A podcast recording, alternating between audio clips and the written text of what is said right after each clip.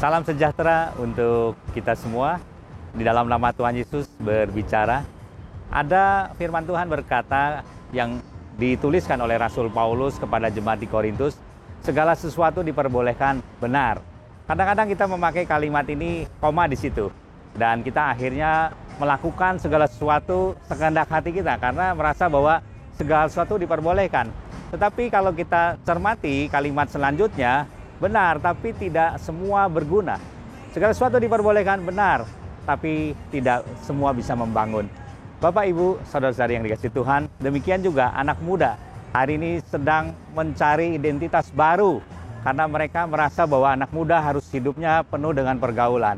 Disebut juga anak gaul, maka mereka selalu mencari sesuatu yang baru sehingga mereka bisa dinyatakan sebagai anak-anak yang gaul. Termasuk dengan perkataan mereka. Kata-kata mereka hari ini banyak sekali yang dipengaruhi oleh lingkungan.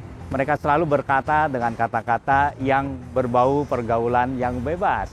Dan kata-kata ini sering dianggap biasa saja.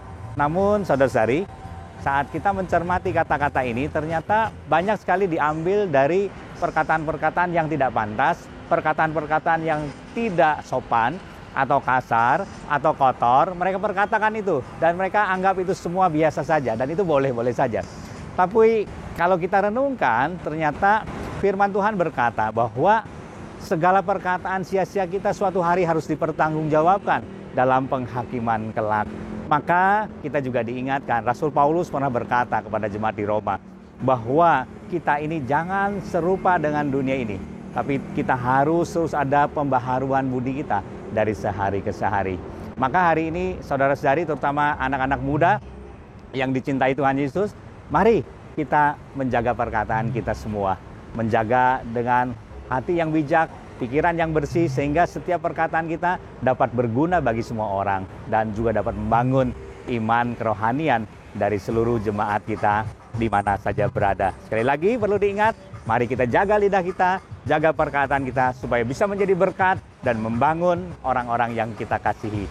Kiranya segala kemuliaan hanya bagi nama Tuhan, Tuhan memberkati kita semua.